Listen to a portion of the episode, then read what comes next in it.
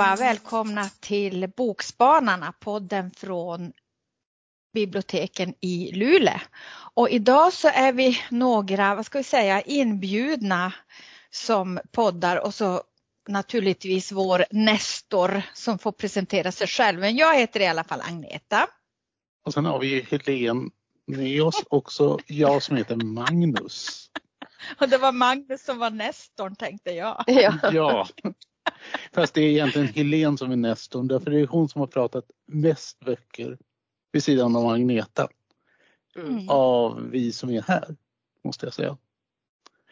Hur länge har du jobbat med sådana här bokkaféer och bokpresentationer, Helene? Oh, ja, det, jag och Agneta började väl samtidigt med det. Visst var det ja, så? Ja, det kan hända att jag var lite före dig med Janne. Mm.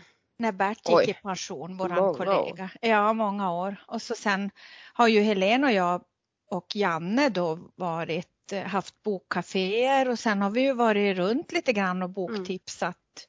för Senioruniversitetet till exempel. Och det har varit mm. väldigt, väldigt roligt och även för för våran egen personal inklusive gymnasiebibliotekarierna har vi ju boktipsat för. Det är det Precis. bästa som finns. Och sen var det ju faktiskt vi tre som fixade den här podden. Kommer ni ihåg det? Ja. Klura. ja. Våran bebis. För och idag ska vi faktiskt eh, prata om det, alltså avsnitt 70. Mm. Det är ju blir ganska gammal. och eh, temat är kärlek. Oh. Ja, och det är ju helt underbart med kärlek. Sen finns det ju kärlek av olika sort.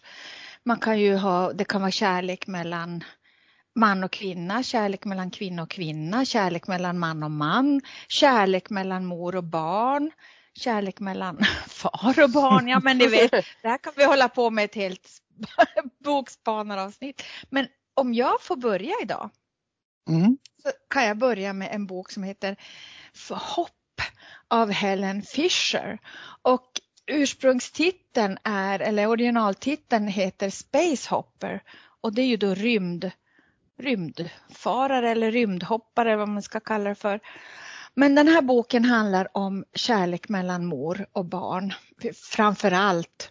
Eller mellan barn och mor kanske för att huvudpersonen Faye hon är uppe på vinden för att ställa bort en stor låda från sin barndom och i lådan har det funnits en sån här hoppboll. Så att den är ju, vad ska vi tro att den är? Jag försöker mäta här med, med mitt, med, alltså en uppblåst hoppboll är ju ganska stor så säg att den är, vad kan ni tro, en gånger en meter? Något sånt. Nej, kanske lite mindre, men strunt samma. I alla fall så råkar hon ha sönder en lampa på vinden och den går i kras. Och de här sylvassa glasbitarna sprider sig över golvet och eftersom Faye är barfota så ser hon ingen annan råd att ställa sig i lådan och ropa på sin man Eddie för att han ska komma och hjälpa till och ta bort glasbitarna och kanske ge henne ett par tofflor.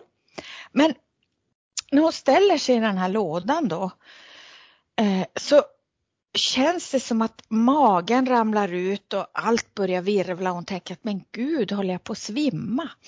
Till saken hör att hon har ett foto på sig själv när hon sitter just i den här lådan och från när hon var liten och det är ett av de sista fotona som hon har från tiden när hon bodde med sin mamma. För att hennes mamma dog sen när Faye var ganska liten och hon växte upp hos ett, ett äldre par som faktiskt bodde granne med mamman men som hon gick till först av allt när, när hennes mamma hade dött. Men nu hoppar jag lite, lite i handlingen men jag ville förklara lådans betydelse. Vad som händer är att hon vaknar upp i det har gått alltså hon vaknar upp 30 år tidigare när hon var liten och när hennes mamma levde. Hon har alltså gjort en tidsresa. Och nu råkar ju jag vara en sån person som tror på tidsresor. Så att eh, jag köper ju faktiskt det här. Även om jag, jag tänkte så här att är den egentligen lite fånig den här boken eller borde man tycka tycka att den är fånig. Men nej, den är ju den är varm och den är kärleksfull och den är snäll och den är spännande och den är intressant och den är omvälvande. Ja, och kanske, kanske, kanske, kanske lite fånig. Men e egentligen tycker jag inte det. Eh, I alla fall så är det så här att Faye kommer ju tillbaka till nutid, till sin man och sina barn. Och en man som hon älskar väldigt mycket och han har precis avslöjat för henne att han vill bli präst. Och det där har hon en lite kluven inställning till. Samtidigt som hon vet att om det är någon som skulle tro på att hon har gjort den här tidsresan men kanske göra den till någonting större än vad det är eller ja, ni förstår. Så är det ju Eddie. Men det är någonting som gör att hon väljer att inte berätta för honom. Och han börjar ju misstänka, han märker ju att hon är annorlunda för hon planerar ju hela tiden för hur hon ska kunna resa tillbaka för det har nämligen inte gått så mycket tid som hon trodde att det hade gått.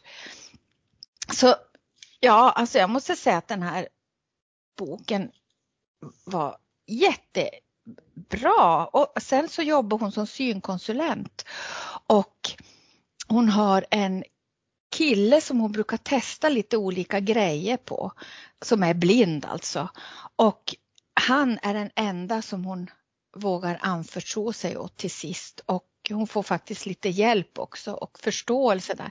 Men jag skulle verkligen vilja, det här skulle vara en helt perfekt bokcirkelbok för att just den här kärleken mellan ja men både mellan Faye och hennes man och Faye och hennes mamma och hennes mamma och Faye och mellan barnen. Och sen så skriver Helen Fischer. jag måste läsa upp några citat som jag faktiskt var tvungen att skriva. Hon skriver så här efter, om sin saknad efter sin mamma efter att hon har träffat henne igen då efter 30 år.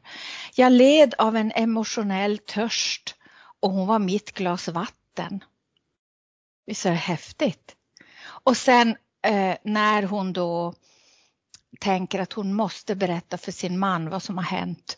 Om jag inte anförtrodde mig åt honom skulle sorgen sippra in i mitt liv likt vatten i lera och göra det tungt och oformligt. Och sen är ju översättningen är ju också väldigt bra som har fått till en sån knorr. Men nu ska jag inte vara så långrandig. Ni får faktiskt läsa den här boken själva, alla ni som lyssnar. Eh, Helen Fischer, Hopp. Mm -hmm. Ja, alltså apropå olika sorters kärlek så har ju jag en bok som visserligen heter Konsten att laga ett hjärta av Ella Car Carey. Och den handlar ju om, vad ska man kalla, vanlig kärlek mellan vuxna man och en kvinna i det här fallet. Men den handlar till största delen om kärleken att, till mat, kärleken till att få laga mat. För den här boken är första delen i en planerad serie om kvinnor på Manhattan ur ett historiskt perspektiv. Och eh, boken handlar om societetsflickan Lily Rose, kallad Lily, som älskar att laga mat och hon är en fantastisk kock. Men eh, det där med jobba är ju inte hennes mammas, eh, alltså hennes mamma tycker inte att det är så kul att hon jobbar. Det här är 1942 Aha. under brinnande världskriget. Så att hon har ju då fått plats i eh, köket på restaurang Valentino som är en mycket fin restaurang där societetsfolket går. Och Lillys mamma hon tycker det urbota pinsamt att hennes dotter ska liksom vara där. Hon vill att hon ska mm. gifta sig med Nathaniel Carter, en oh. rikemans son. För då tänker mamma, då kan vi stiga några pinnhål i den här societetskedjan. Men det struntar Lilly i så hon har så här, lite vagt gått med på att okej, okay, du får jobba här men då ska du gifta dig med Nathaniel sen. Och hon har väl som inte riktigt sagt ja men mamman tycker att hon har sagt ja så hon får jobba där. Och Lilly hon eh, Jo, då börjar ju männen kallas in till kriget. Så att Lilly hon får stiga i graden. Hon får en ordentlig utbildning till köksmästare och eh, ja, hon tror väl att hon ska få jobba kvar där mm. sen. Alltid. Hon trivs ja. med det jättebra. Hon är fantastiskt duktig. Och så blir hon ju då kär i Tom Morelli som jobbar i köket. Men Tom han blir ju också då inkallad.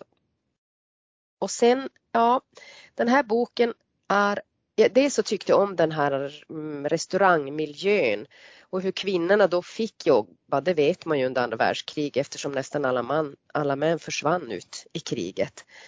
Det, man kan säga att det är en, en feelgood med svärta och lite djup. Mm. Ungefär. Kanske inte så vanvettigt förutsägbar som en del feelgood är men jag hade mycket behållning i den här boken. Jag tyckte den var spännande och intressant och ja, det var en liten annan vinkling faktiskt. Och ser fram emot. Jag hoppas att de andra delarna i serien är lika bra som den här. Mm. Spännande, den mm, vill jag läsa. Den får man ju följa när kriget är slut och de män som överlevde kom hem. Hur gick det då?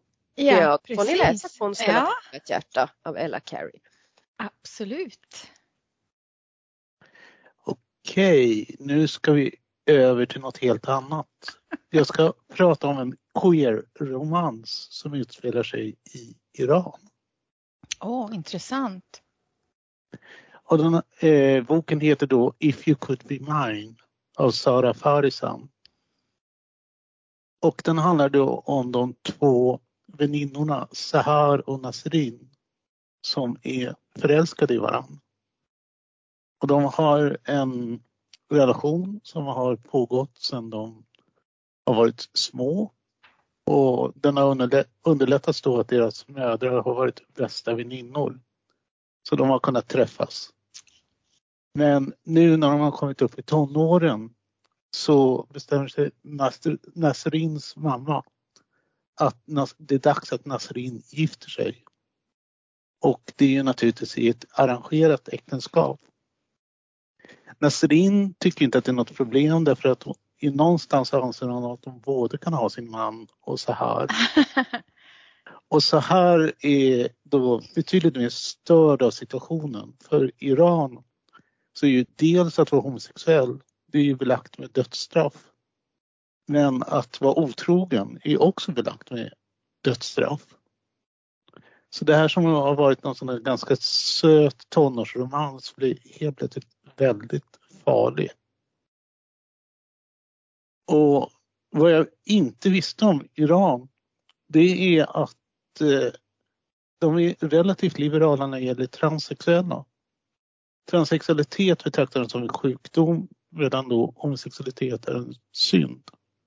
Och i och med att det är en sjukdom då så försöker man ju bota transsexuella genom att genomföra operationer så att de liksom passar in i samhället. Och vid sidan av Thailand så är Iran det land som utför mest könskorrigerande operationer i världen om, om året. Oj. Och eh, nu tappar jag bort mig. Det hade man ju inte gissat måste jag säga. Nej, det hade man Nej. inte gissat. Nej, verkligen inte. Även om det kanske inte är så smickrande liksom när man börjar prata om sjukdom och sådär. Alltså, nej, nej, nej, nej. Tolerans, men... Eh, så, så här hon kläcker den här gyllene idén att om hon blir man då kan hon ju gifta sig med Nasrin. Oh. Och så kan de bli tillsammans. Mm. Och i och med att det här är en young adult bok så den är ganska rolig. Det, jag tycker det är intressant också att man ser eh, glimtar av en eh, homosexuell subkultur eller en queer subkultur som då ska finnas i Iran. Men framförallt liksom hela den här diskussionen runt genus, runt kön. Hur liksom ett samhälle kan bli så fixerat runt eh, att homosexualitet är skamligt så att de hellre opererar om människor. Så mm. att de blir heterosexuella. Ja, fruktansvärt. Det är fruktansvärt. Men jag ska inte avslöja hur det går. Men Sar hon fattar ett beslut och det är ganska lyckligt sådär. Aha. Eh, Eh, det som jag läst om boken på nätet att eh, man ska inte förneka, det här är liksom på något sätt tonårsfluff. Det är sött, det är gulligt och de tycker verkligen om varandra de här flickorna. Och det som folk reagerar på nätet är att antingen så är de arg på den därför att det inte är liksom någon sån där andlig bok hur man liksom hanterar sin sexualitet kontra Gud eller islam. Eller så är de arg på den därför att den inte är tillräckligt politisk nog. Alltså man vill ha the handman's tale där man ska mm. avslöja alla fasorna. Men jag tycker att det är styrkan i det. Ja, och mer fluff för folket. Ja, men alltså varför inte? Ja, du, vad sa du, vi avbröt dig. Jo, och någonstans så blir jag sådär märkligt lugn av tanken på att det finns folk i Iran som blir alldeles hysteriskt upphetsade av tanken på Britney Spears och att de ibland går på Max Burger och tar sin hamburgare. Ytligheten. Ja, tack och lov för ytligheten. oh. Nej men varför, alltså det lät ju jätteintressant. Mm. Jo, alltså det är en sån där liten pärla som jag råkar... Men den är alltså inte över. översatt eller? Den är inte översatt. Nej. Men den går faktiskt att låna på biblia.se. Alltså att läsa Så. som eh, e-bok? Nej, alltså tryckt bok. På... Alltså vi har den i Aha! Upptäckte ja, till min glädje. Ja, vad roligt. Mm. Topp. För den var så där så jag kände den måste vi köpa in. Men ja. den fanns redan. Det är någon annan som har tänkt långt. Jo. Ja, vad bra, kul. Mm. Men det blev väl en bra avslutning på det här kärlekstemat. Ja, och vilka böcker har vi pratat om? Ja, jag började med Hopp av Helen Fischer. Och jag, och jag... Prat, pratade om If you could be mine av Sara Farisan. Och jag pratade om Konsten att laga ett hjärta av Ella Carey. Mm. Och så Härligt. Får vi säga tack och ta hand om varann. Ja, och tack och puss. Ja, tack och puss. Mer kärlek till folket. Ja. Viva ja. L'amour. Nej, det oh. blev dubbelt. Vive l'amour. Hej då. Hej då.